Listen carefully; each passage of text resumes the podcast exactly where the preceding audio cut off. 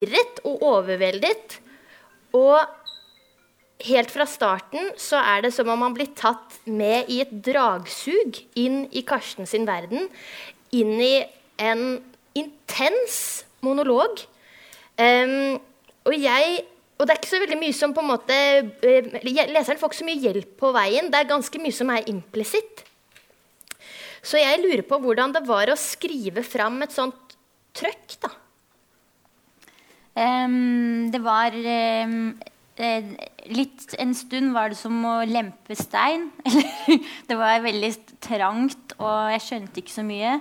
Um, jeg skjønte nok ikke så mer etter hvert, egentlig.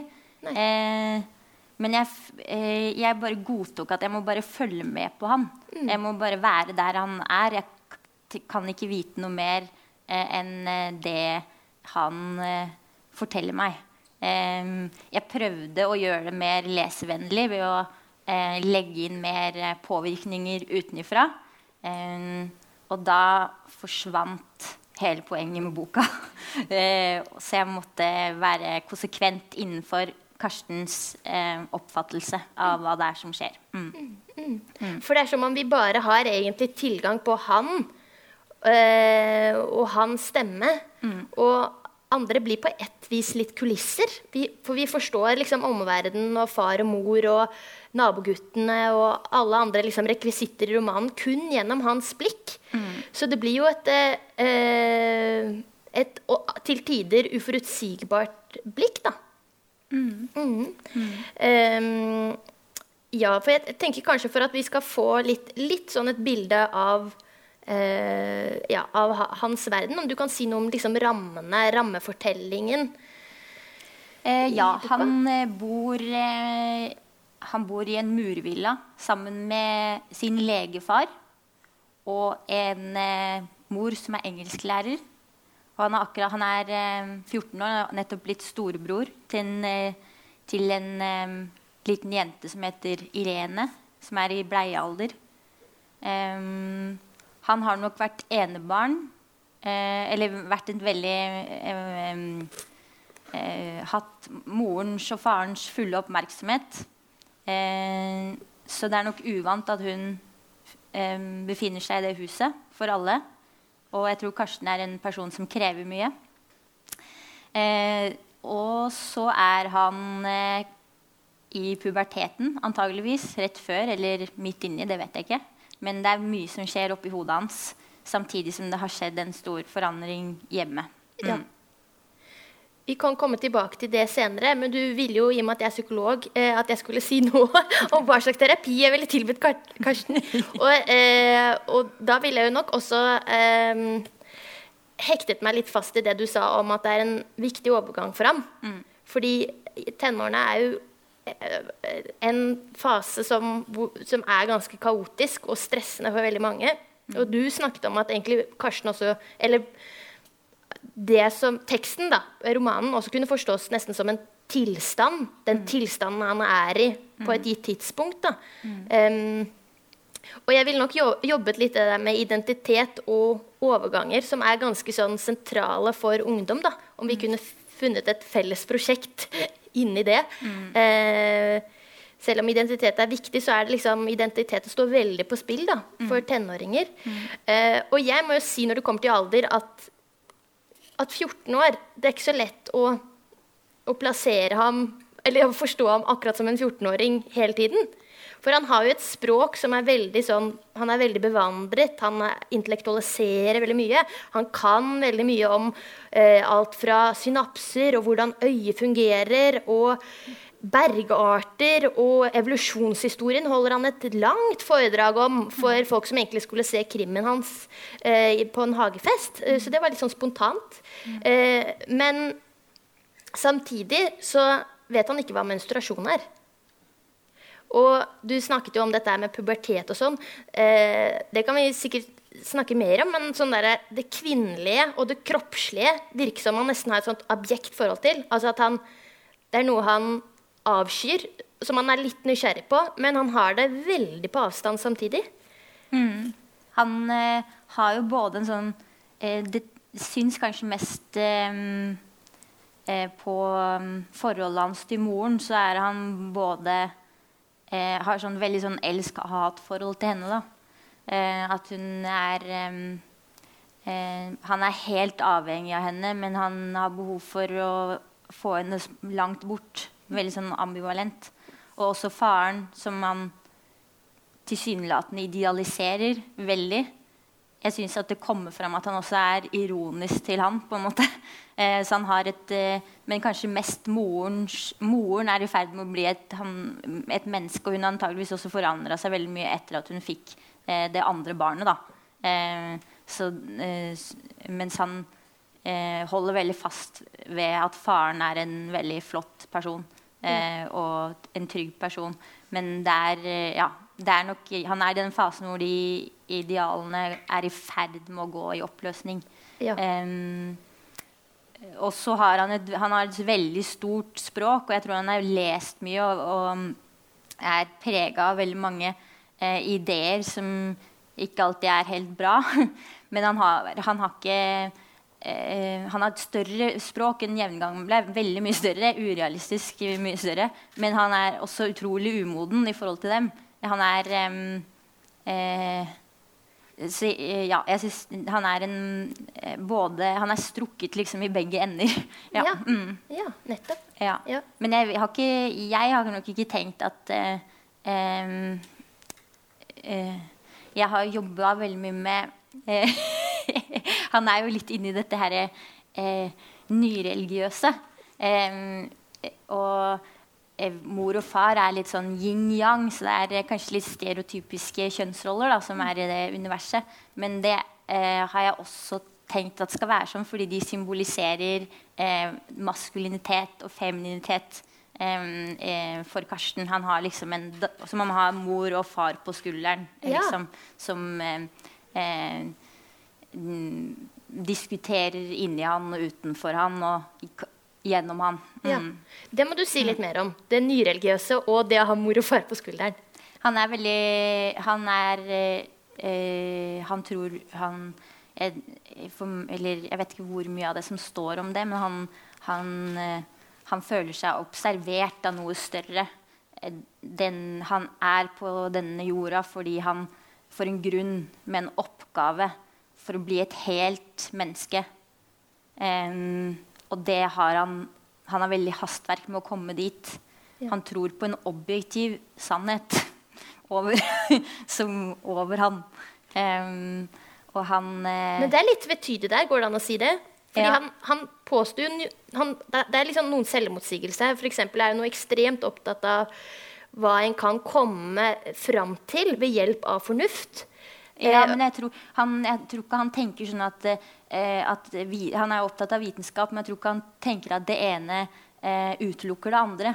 Er, nei, nei. Ja, mm. For han sier jo også at, at, at eh, noe sånt egentlig sånn veldig bråmodent da, At det eneste fornuften eh, Det eneste man vet om fornuften, er at den kan Eller det eneste den ender opp med, er å forstå sine egne begrensninger. Mm. Noe sånt som det, da. Ja. Samtidig så er han jo hele tiden der at han litt som en etterforsker, da, som han også etter hvert dikter seg selv inn i rollen til. At han utforsker muligheter for eh, ulike eh, situasjoner eller hendelser som man ikke forstår. Og kanskje sånn sett, hvis vi skal tilbake til rammefortellingen, da, så er jo noe eh, Jeg føler at vi hopper veldig, men dere følger med. hvis, hvis vi skal tilbake til rammefortellingen, så tenker jeg at der er det jo også et mysterium som han prøver å finne ut av, og kanskje også aksepterer at han ikke finner ut av. Eh, men det handler rett og slett om at han og faren eh, reiser fra hjemmet og tar ja. avskjed. Det må vi forstå litt mer av hva det er for noe. Jo, i åpningen så blir han vekket av faren, som sier at han skal pakke alt han eier og har, for de skal reise fra huset og si farvel til alt. Og Eh, da står det, tror jeg det står på forlaget, at, eh, side om boka, informasjon om boka, da blir alt satt i bevegelse. Men det har nok vært i bevegelse før. Ja. Men han eh, Far har satt meg i bevegelse, er det noe du sier? Ja. at det er de eneste vet. Det er jo veldig sånn Ja. gudaktig at noen har satt meg i bevegelse som om far er den første ubevegede beveger, tenkte jeg da. Så det skjer, det skjer jo noe helt nytt. Han, Ja. han vet ikke hvor de skal. Han eh, bare følger etter faren sin. Ja. Og det er den ideen der er inspirert av historien om Abraham og Isak i Gamle testamentet, hvor eh, Abraham eh, skal ofre Isak til Gud. og så eh, følger Isak etter full tillit til far. Eh, og det har jeg syntes at vært er, vel, er bare veldig ubehagelig, er at jeg kan bare se ting gjennom Karsten. Jeg vet ikke hvor han skal. Jeg vet ikke hvor faren hans skal. Men han har ikke noe annet valg enn å gjøre det faren sier. ja. Fordi han er umyndig. Og det er faren bestemmer over ham. Så det har vært litt ubehagelig for deg også som forfatter og som skriver fram teksten, at vi faktisk ikke helt vet hvor det bærer, og farens intensjoner. Så det er den tilstanden eh, Jeg har ikke lyst til å Vil ikke lage en historie som handler om at det begynner her og det slutter her. Jeg vil beskrive den tilstanden av å følge etter en person Ja. som man du er helt eh, avhengig av, og som du stoler på, men som du ikke vet hvor tar deg. da. Mm. Nettopp, fordi det er jo litt Ja. sånn sånn at vi starter Det er litt sånn in your face. Plutselig er vi inne i hans verden. Og så er det et slags rasende tempo med innfall. og Det måte der, det er ikke så mye opphold. Stilen er veldig sånn intens, lange setninger. Eh, mange assosiasjoner, mange veldig sterke, spennende bilder. Og så er det på en måte ut av det like like uavklart som da vi startet da, reisen sammen med Karsten og faren. Og jeg tenkte jo, jeg tenkte jo sånn da jeg leste det, og hadde lest slutten også, og han fortsetter å vinke og ta avskjed med omverdenen, at det er som om liksom hele romanen, bergverket, er som en lang avskjed, da. Ja, bra. det, ja, det er det det er. Det er en avskjed med alt det gamle og inn mot rei, en reise mot uvissheten. Mm. Ja. Nettopp. Jeg vet ikke om vi skal avsløre så mye rundt, rundt avslutningen, men den er jo Det er lov til å si at den er tvetydig. Ja, Ja. det er jeg enig i. Samtidig har du sagt litt om Abraham og Isak, så det, da kan man jo anta at det ikke nødvendigvis ender bare godt. Eh, eller, ja. Det, Nå gikk det jo faktisk bra med Isak til slutt, da. Men jeg syns det virker som det eh, Det på mange måter ikke nødvendigvis går så veldig bra med Karsten.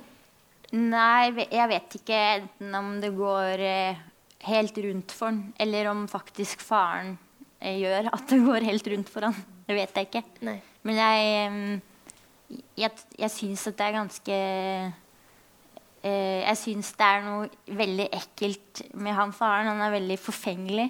Har du lyst til å lese litt om far? Ja. Har du det, er det det du har kryssa ut? Nei, jeg vet ikke om jeg, akkurat det du tenkte på nå. Men for far er detaljorientert. Der får man en slags sånn ja. ja da, til hvor da, cirka? Nei, kanskje hele den siden er veldig fin, da. Fra far er detaljorientert? Ja.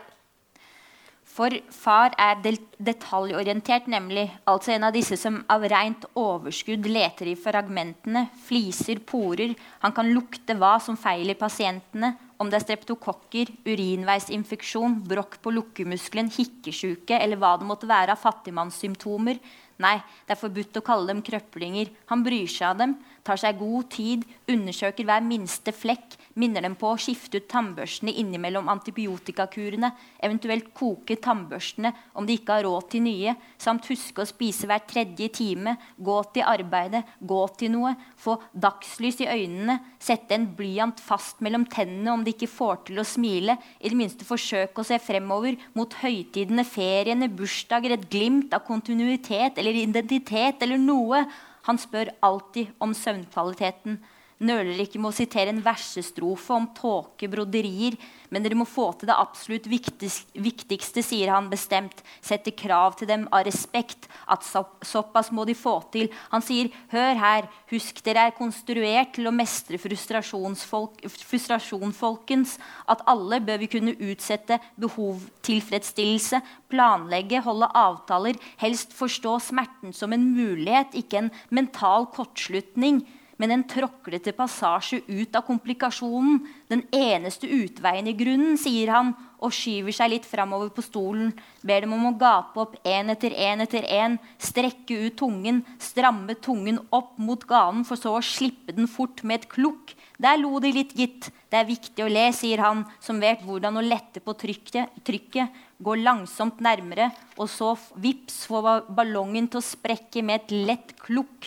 Ja, så lett for ham, for her har vi med å gjøre med en mann hvis sosiale ferdigheter er rett ut eksemplariske, vill på fest, sjenerøs og likefrem i møte med hvem som helst, serverer gin and tonic i vaser, enda han selv ikke drikker, kan til nød nippe litt vin sammen med mor om de er alene og romantiske, men aldri med andre, behøver ikke glidemiddel for å hoie og danse, holder med et øye med alle mens han gjør det, at alle har gått i glasset, helt umulig å mislike, sier kompisene, en hærskare av kompiser som klapper taktfast når han viser fram lysbilder i kjellerstuen. Flotte bilder. Ordentlig flotte bilder. For far er jo proff i alt. Engasjerer seg i alt mulig rart. Deltar rett som det er i en annen fresk offentlig debatt hvor han briljerer med skarp argumentasjon, sikre kilder og vidd. Og vinner jo hver gang, samme hva det handler om. For han rører ved noe grunnleggende. Får meningsmotstanderne ut av balanse ved å snakke til dem fra en etterpåklok distanse. En kanskje nedlatende, men karismatisk distanse. Slik bare en levemann kan snakke. En som, en som har det utelukkende godt på hjemmebane. Ja.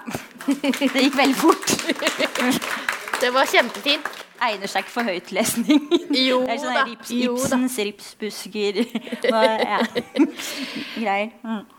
Ja, nei, men altså, for far, er, far og mor er motpoler. Og her så får vi jo eh, et bilde av far som en levemann og en som er suveren, da. Mm.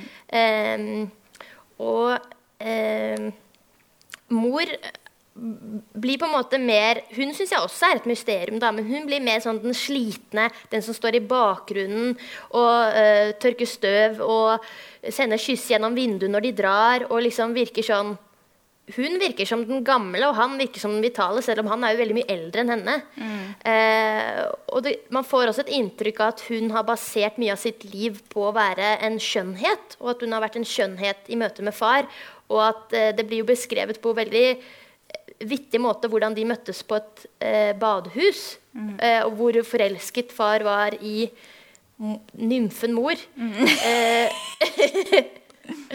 Som kom ut som en reklameplakat av en foss, og så ble, det, så ble det de to veldig raskt, da. Mm. Um, men nå har hun liksom blitt sliten. Altså, vil du prøve å si litt mer om hvem mor er? For jeg opplever jo at hun er utydelig, og den ambivalensen du nevnte, er veldig interessant. da. Mm. Eh, den er liksom fruktbar, den som er i Karsten, da, og for mor. Eh, jeg tror at hun er veldig Eller jeg tror hun er ganske alene om omsorgen for de barna. Eh, og at hun eh, eh hun er nok jeg tror det, hun, Han sier at hun gråter veldig mye og um, virker sliten. Jeg tror at det handler om at hun ikke får vært til stede for Karsten når han trenger det mest. Fordi den lille eh, babyen krever alt av henne. Og så syns jeg at hun prøver så godt hun kan å bare komme inn i den der eh, detektivleken hans. Da. Hun tar til og med på seg bikini.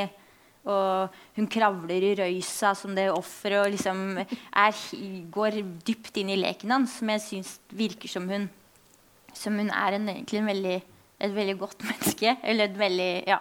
Eh, men at hun, ikke, at hun er forvirra. Hun vet ikke hvordan hun skal eh, forstå han eller måten hun skal nå ham på. Og jeg føler at hun er den, er den eneste av mor og far som gjør det da, på en, eh, på en, en, en ordentlig måte. Eller en genuin måte. Ja. Ja. Mens eh, faren er mer sånn kommenterer at han ikke håndhilser ordentlig. Og mm, ja, kommer med sånne flotte fraser og livsvisdom som eh, Mens hun prøver å komme inn i leken hans. Mm. Ja, og det er egentlig ganske gøyalt hvordan hun engasjerer seg så mye i mordmysteriet. Mm. Og den, den, gåten der. Og gjerne vil vite mer om liket eh, etter å ha vært på fest med noen venninner. Og eh, ja, det, jeg syns jo det er rørende. Da, se, da, så jeg jo for meg at de kunne utvikle et slags bånd. Men det, det, blir jo mer en slags sånn eh, Hva skal jeg si eh, Det trigger jo mer Karsten sitt sånn tenåringsaktige opprør. Mm. Og han, han, vil selv bestemme. Han er etterforsker, og han er voksen. Han skal, selv, han skal drikke kaffe, han skal selv bestemme når han skal legge seg. Ja. Og ingen skal ha lov til å komme inn på hans rom hvis ikke han ønsker det. Så på en måte Heller enn at det, det fører dem tettere hverandre, så eh, Selv om hun deltar liksom litt, mm. men det er som om han ikke helt klarer å anerkjenne mm. den bevegelsen i henne mot ham. da. Ja, det er litt noe med Han ønsker å bli selvstendig og voksen og ha privatliv og eh, Samtidig som han sikkert eh, oppfører seg mer og mer At det blir tydeligere og tydeligere mm. at han er ganske asosial. Eh, så jeg kan forstå at han ikke orker å ha henne inn i den verden. Eh, der har han full kontroll. Og det blir liksom litt dumt måten hun måten, Hun forstår ikke greia når hun er inni der så vidt, da. Eh, men eh, samtidig som det er jo ut, eh, viktig at hun bryr seg likevel. Selv om han eh, skal ha henne, vil ha henne ut. Mm. Ja. Ja, det er viktig for ham på et plan? Ja, som han ikke er bevisst selv, da. Mm. Mm. mm. Eh, jeg må jo bare liksom litt tilbake til det der med forholdet hans til kvinner. Fordi i denne Det, det er jo virkelig uh, under enhver kritikk, da.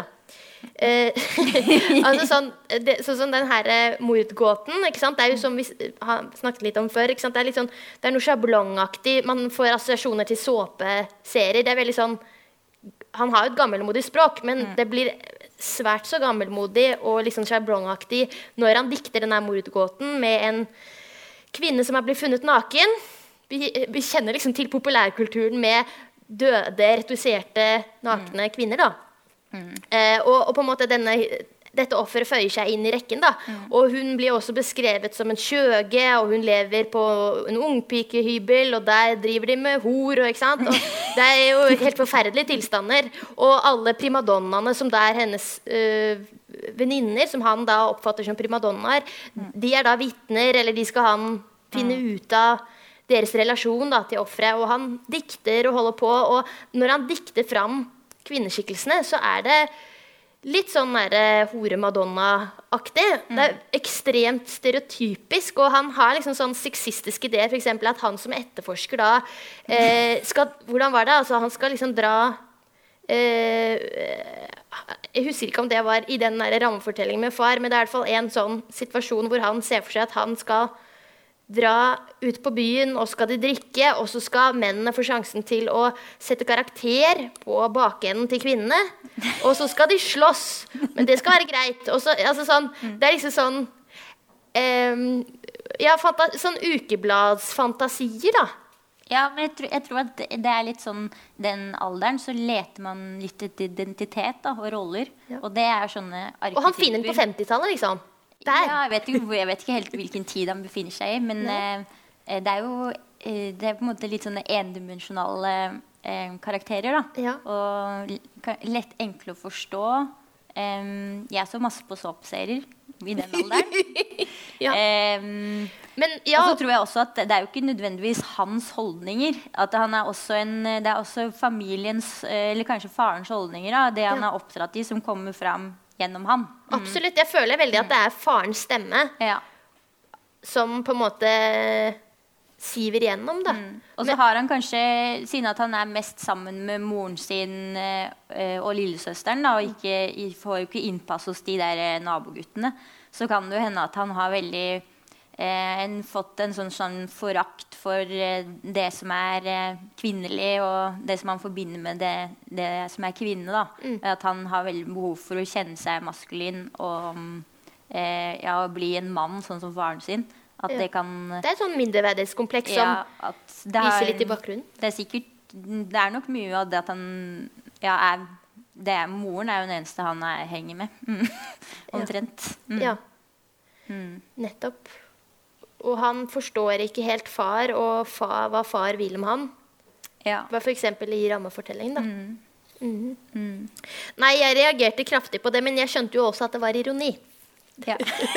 Ja, nei, men eh, ja, men det, var bra. det er bra du ser sånne sammenhenger. Det tror jeg det er mye som, er, som jeg ikke har eh, jeg tenkte jo Som særlig ikke er bevisst den fra min side alltid. Ja, må jeg tenkte jo særlig på én scene da, som jeg syns var liksom kostelig og rar. Som, fordi utgangspunktet er vel at han kjeder seg, og han er redd for naboguttene, for de sender stadig vekk trusselbrev. Og så lurer han seg eh, inn på rommet sitt. Egentlig ville han sitte der med en hagle. I tilfelle de naboguttene dukker opp, men det er ikke lov, da. Det var ikke greit, Så han får låne farens videokamera, og da begynner han å dikte og filme og zoome rundt. Og så på et senere tidspunkt så tar han med det videokameraet og filmer mor. Og det er jo det mest gebrekkelige, ekle han har Ja. kommet over. Eh, når, når han da oppdager at hun menstruerer inne på badet, og hun oppdager kjenner han og syns det er helt greit at han holder på Men i hvert fall, men i hvert fall han Jeg tenker sånn derre um, en teoretiker som heter Kristi, var veldig opptatt av det objektet, altså det som har en gang vært en del av kroppen vår, og som på en måte kroppen adskiller, da. eh, eller utskiller, sånn som urin og avføring eller menstruasjonsblod eller oppkast og spytt og den type ting. At det er noe som på en måte er en del av oss, og samtidig som vi ønsker å distansere seg fra det. da. Eh, og ja, det, det bare slo meg hvor tydelig liksom hans avsky var for det den kvinnelige kroppen kunne produsere, da. Ja, og en sånn eh, Det er jo det som er det er Han har mye motsigelser. Han sier f.eks. Det, det der med at eh, han vil ha avstand til moren, men han er også utrolig sånn er fascinert og granskende. Liksom, ja. Mm. Undersøker henne. Og også som han sier, at alt, uh, alt man finner ut av, det går i oppløsning. Det er ikke noe tak for, uh, for uh, um, det er ikke noe ja, Han finner ikke et tak. et eller annet, Jeg tror det er i begynnelsen, hvor han sier at bevissthet Nei, hva er den setningen?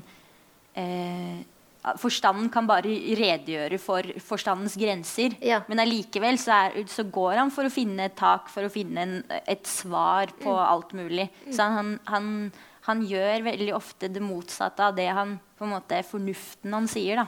Mm. Ja, Eller, ja. Så han er selvmotsigende. Men em, eh, han er nok eh, Ja, må, han s- sikkert nysgjerrig fordi moren er, eh, har forandret seg. Og han er veldig nysgjerrig. Em, og jeg tror ikke det nødvendigvis hvis, altså at det kunne like gjerne vært en jente som hadde sett moren ta ut tampongen og syntes at det var ekkelt. Jeg tenker at, at han, det ikke nødvendigvis er fordi han, um, han er en gutt, da. Uh, men det å bare em, et, et, å tenke i den alderen at foreldre kan være nakne og ha en kropp og sånn, kan være veldig vanskelig og avskyelig. Um, og det tror jeg han sliter med, og kanskje det er noe som på en måte ja, mm, eh, plager han. At han går litt inn i de tingene som ja, blir liksom dratt mot det han ikke det han vil bort fra. Mm. Ja, for han er selv på en måte ikke så veldig mye i det kroppslige. Han Nei, er han mye er jo helt sperra. Han er jo ikke matlyst. Og han, eh, han eh, mm, snakker ikke så mye om følelsene sine. Eller veldig sånn Jeg tror ikke et eneste sted at han sier noe om hvordan han har det. Han er liksom bare oppi hjernen. Ja, ikke sant? Fordi det er også interessant, da skal han for, for å forstå offeret, sånn at han kan bli en bedre detektiv, så skal han faste i et lite skur, så ender det med at han svimer av. Sånn som jeg skjønte det. Men det er på en måte for å utvikle altså, empati med offeret. Så altså, sånn, det er liksom noen asketiske øvelser som liksom skal nå Som skal på en måte føre til en slags sånn derre transcendens, da, eller at han skal nå et høyere intellektuelt nivå, egentlig, da. Han leter etter det han mangler. Noe han mangler. Eller har Ja. Og jeg følte hele tida at han var litt sånn At kroppen hans var litt sånn nummen. Altså at det var, hodet var kokevarmt, liksom. Sånn, ja. Ja, for du føler veldig fysisk på det. Ja. det. Hans kropp som vi som lesere kanskje ikke blir så kjent med, men du har jo på en måte vært i kontakt med han hele tiden. Hvordan har egentlig det vært for deg? Ehm, me- nei, jeg, det var en som sa her om dagen at jeg driver med noe som heter eh, method writing. Ja. Men ja, jeg, følte jeg var Karsten når jeg holdt på. Mm. Um, jeg begynte å tenke som han veldig. Det var kjempeslitsomt. Og så la jeg merke til at det begynte å få jeg har, Det henger igjen fremdeles. At jeg snakker har Ja. fått noen nye måter å snakke på som er sånn typisk han. Og jeg håper at jeg kan riste det av meg. Ehm, nå holder jeg på med sånn barneteatermanus for Brageteatret. Og så ser jeg at det plutselig så kommer Karsten hele tida inn i formuleringer. Sånn, blitt helt sånn, jeg har blitt hjernevaska. Plutselig så snakker det lille barnet som Ja, en det kommer 80-åring. sånn, sånn formuleringer sånn sånn Ja eh, sånn kronglete, utrolig kompliserte måter å si enkle ting på, som Ja. han gjør. Fordi jeg tror han, han lytter han er veldig, Jeg tror han er veldig interessert i språk. Han lytter til sine egne tanker, at det skal være interessant og sånn eh, ruglete og, og fint å høre på. Mm. Han eh, Ja, ruglete som stein. ja, mm. Ja. Det skal være Han er opptatt av ord. ehm, at det, han, ja, han er veldig opptatt av ord, flotte ord. Jeg tror han blir veldig imponert av farens ordforråd og plukker opp sånne ja, fraser og ord han kanskje ikke helt heller forstår hva betyr alltid. Mm. Og bruker det da mm, selv. Hvordan gikk du fram for å tilegne deg Karsten sitt språk? Altså sånn, for det er jo et enormt ordforråd og også enorm spesialkunnskap da, på enkelte felt. da.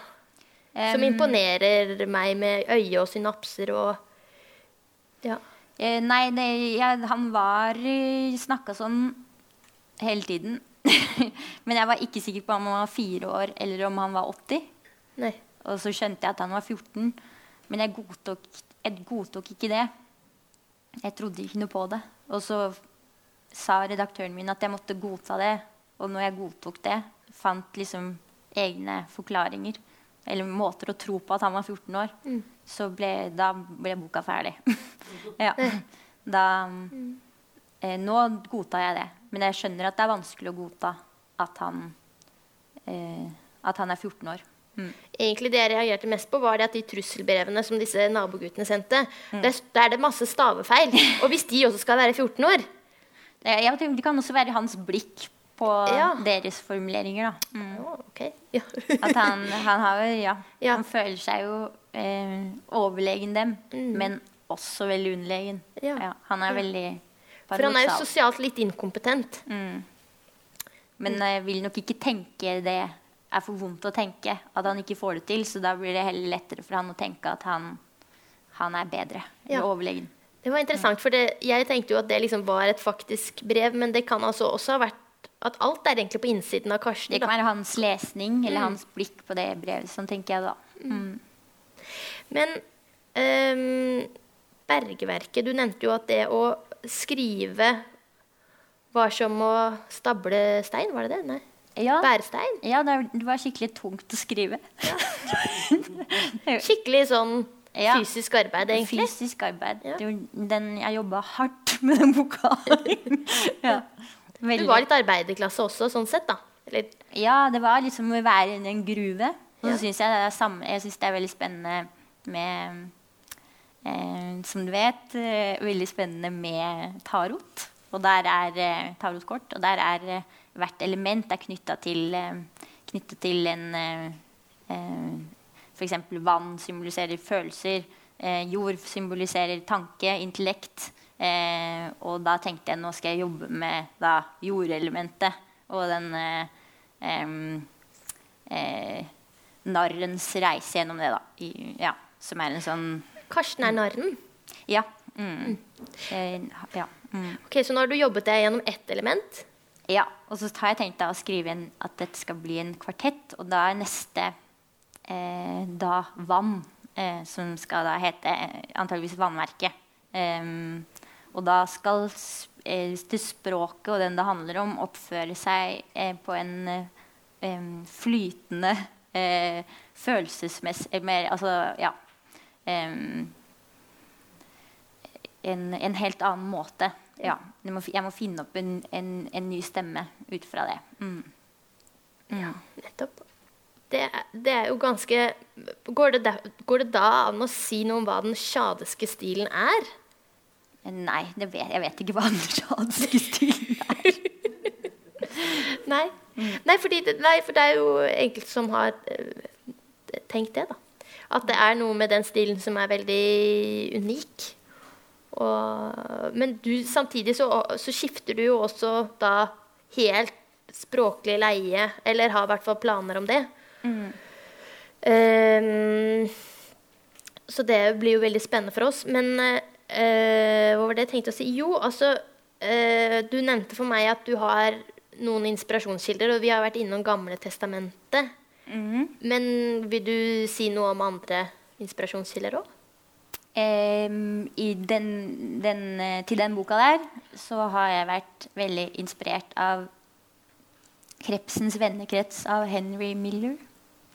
Eh, som eh, ja. ja. Som er oversatt, den norske oversettelsen av Aksel Jensen.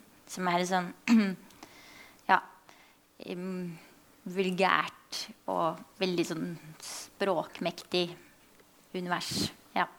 Kronglete. Um, jeg syns ikke at han har så mye til felles med hovedkarakteren, men kanskje det der å ville litt sånn stormannsgalskap. Og eh, at man er litt sånn bedøva i forhold til omgivelsene, men har veldig høy intellektuell kapasitet. Um, og det handler om da Paris og prostitusjon og ja, det er mye sikkert som har dukka opp i denne kriminalgåten Ja. fra det der. Em, ja, også Gamle testamentet. Det har vært så mye ting. Og så har jeg vært veldig dypt inn i, i em, eh, å lese om eh, litt sånn New Age-fenomener. sånn nyreligiøsitet. Eh, Jung og eh, Og der er det også veldig ja, eh, stereotypisk syn på kjønn. Eh, men jeg tenker på det på en symbolsk måte. Da. At det er liksom arketyper man har. Eh, og at, ikke, eh, at det, alle mennesker har alle disse her rollene inni seg. At, ikke, eh, at de kunne like gjerne vært en eh, Karsten kunne like gjerne vært en jente, da. Mm.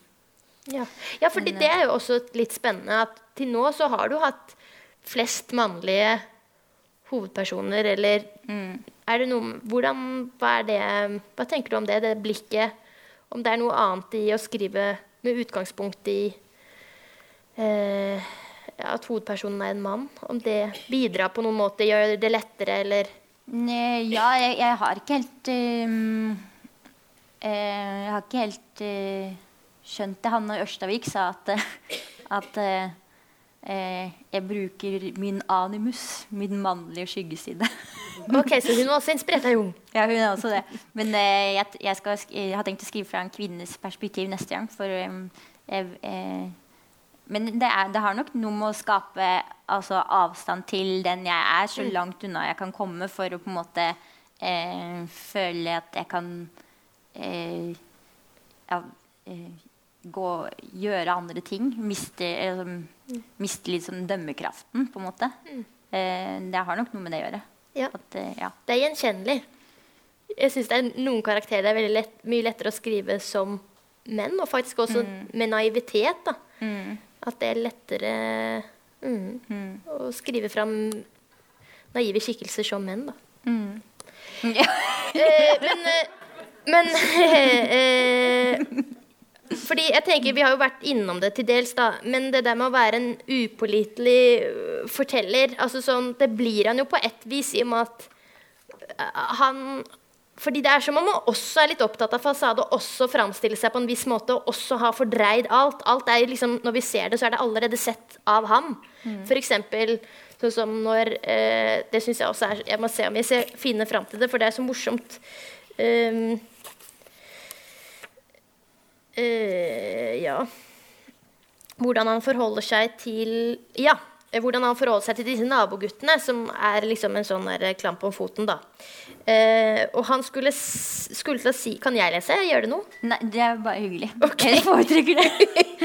Ja, og de har da sabotert De har tisset på noen busker da, som tilhører uh, Karsten sin familie.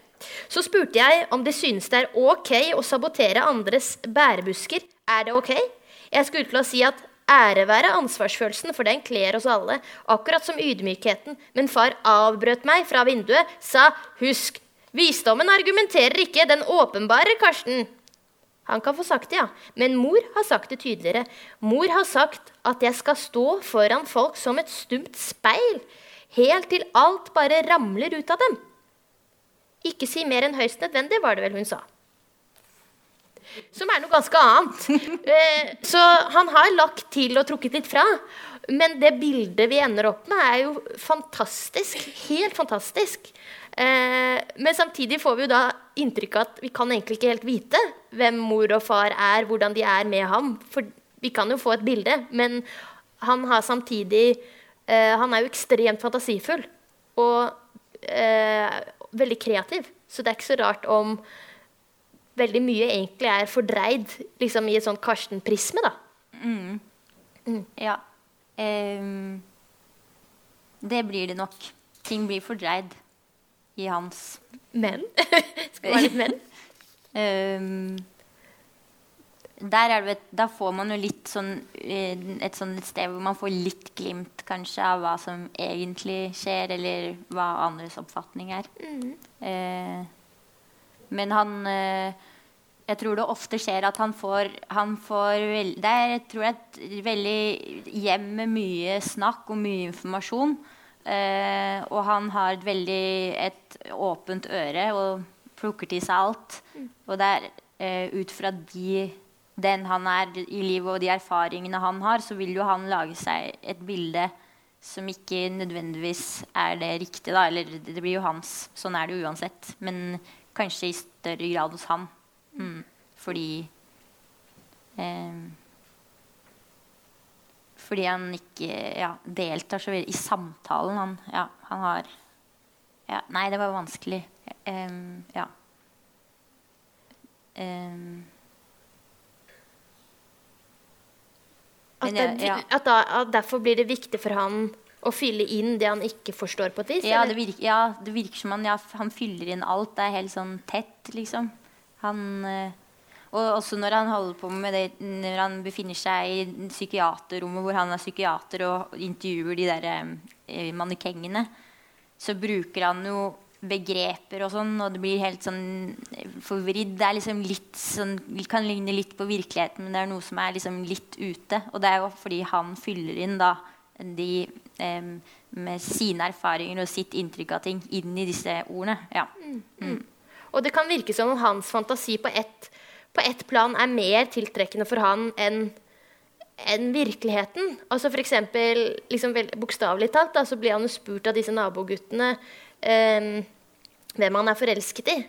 Og da svarer han eh, svarer han et eller annet. Han svarer vel eh, en venn av offeret, eller han Jeg er en perifer venninne. ja, en perifer venninne, og hun har jo han diktet opp selv.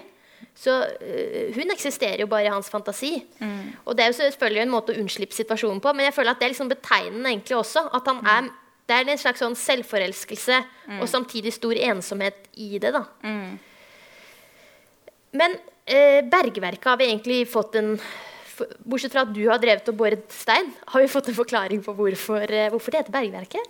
Og at det går på de her elementene? Ehm, ja, det er eh, Ja, det kommer, er inspirert av et element. Og så er det jo mye Han er interessert i geologi. Eh, han er veldig interessert i eh, de små detaljene. Eh, sier han i hvert fall. Tro, oppfatter han at han er. Opptatt av å gå i dybden på ting og ja, se, se inn i materien eh, til det går i oppløsning.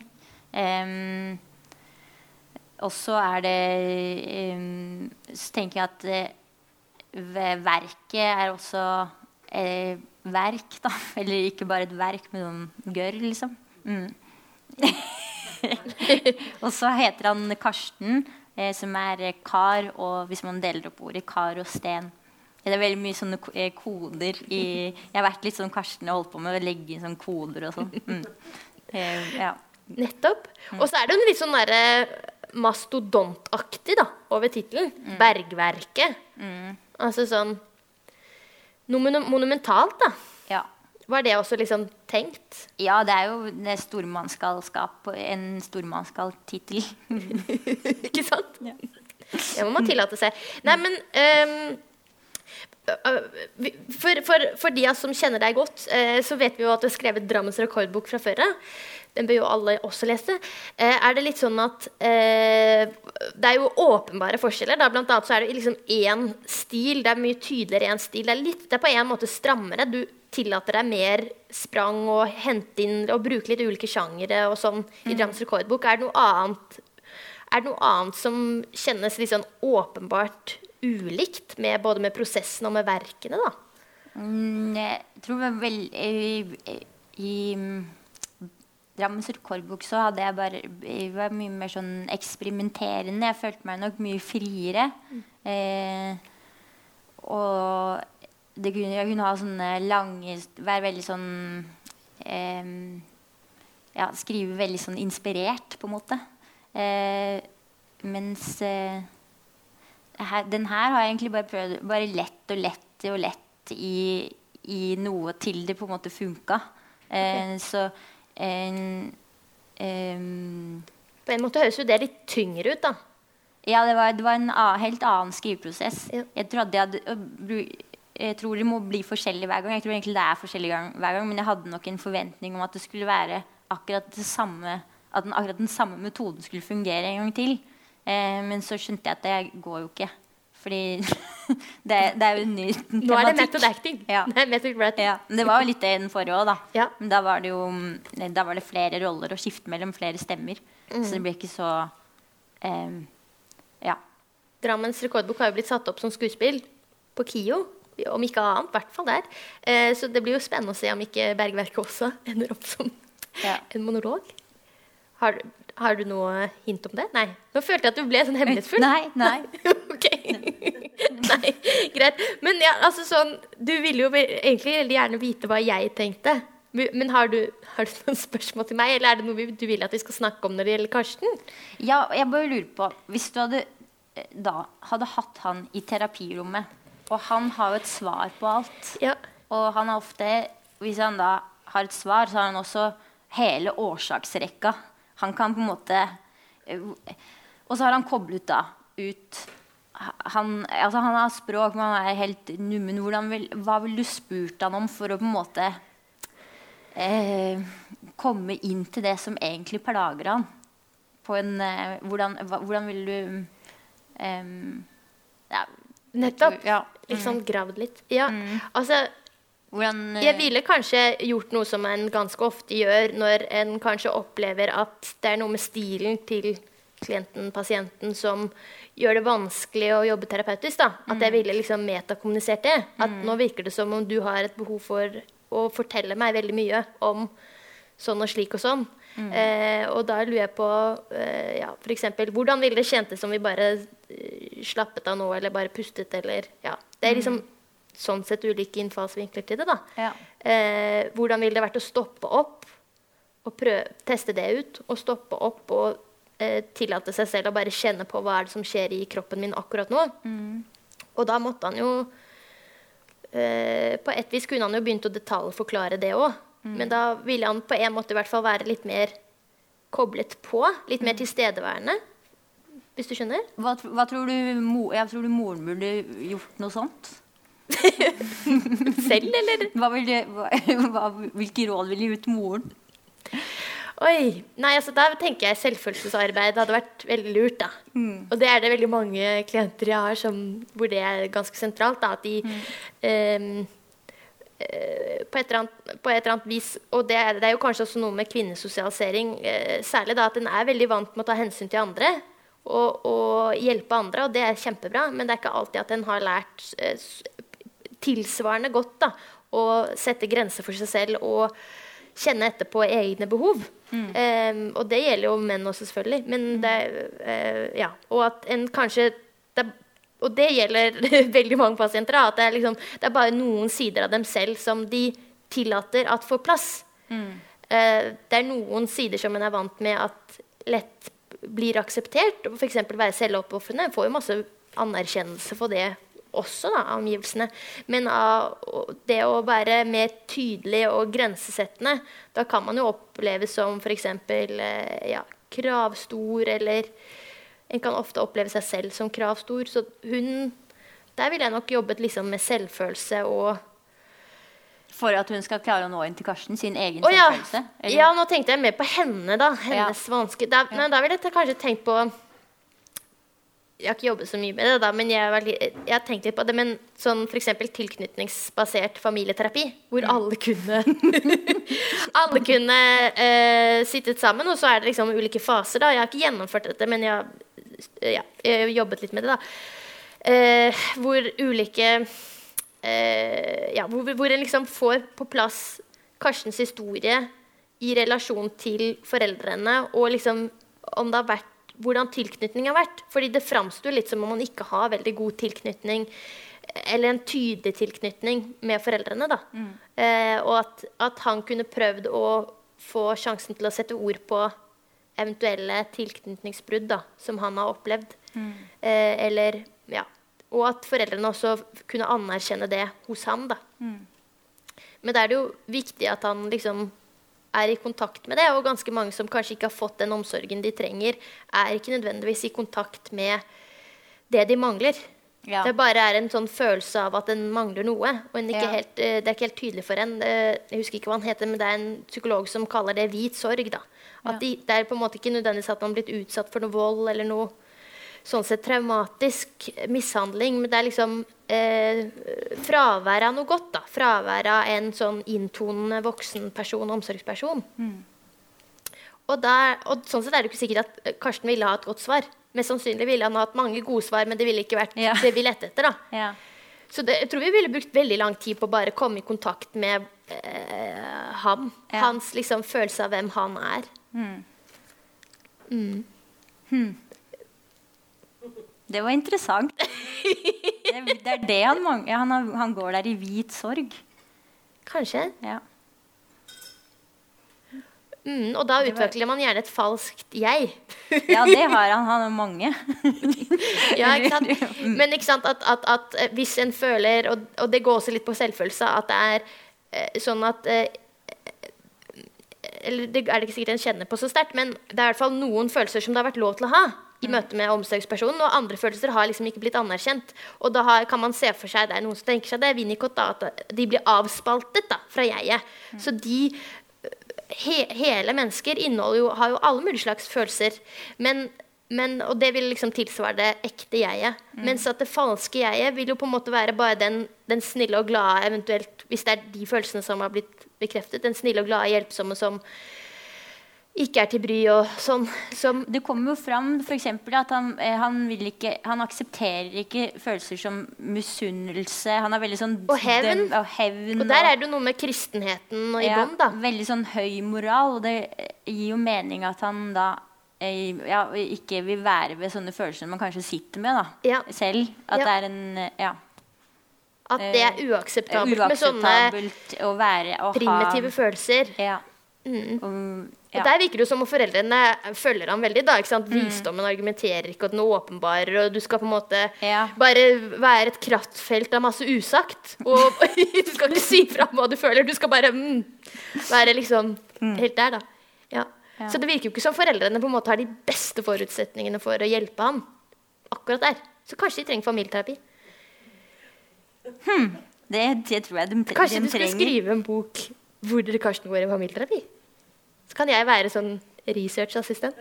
Ja, herregud. Du må hjelpe meg. Og få si takk for oss. Takk Tusen for deg. Tusen takk for at dere orka å høre på. Og hør-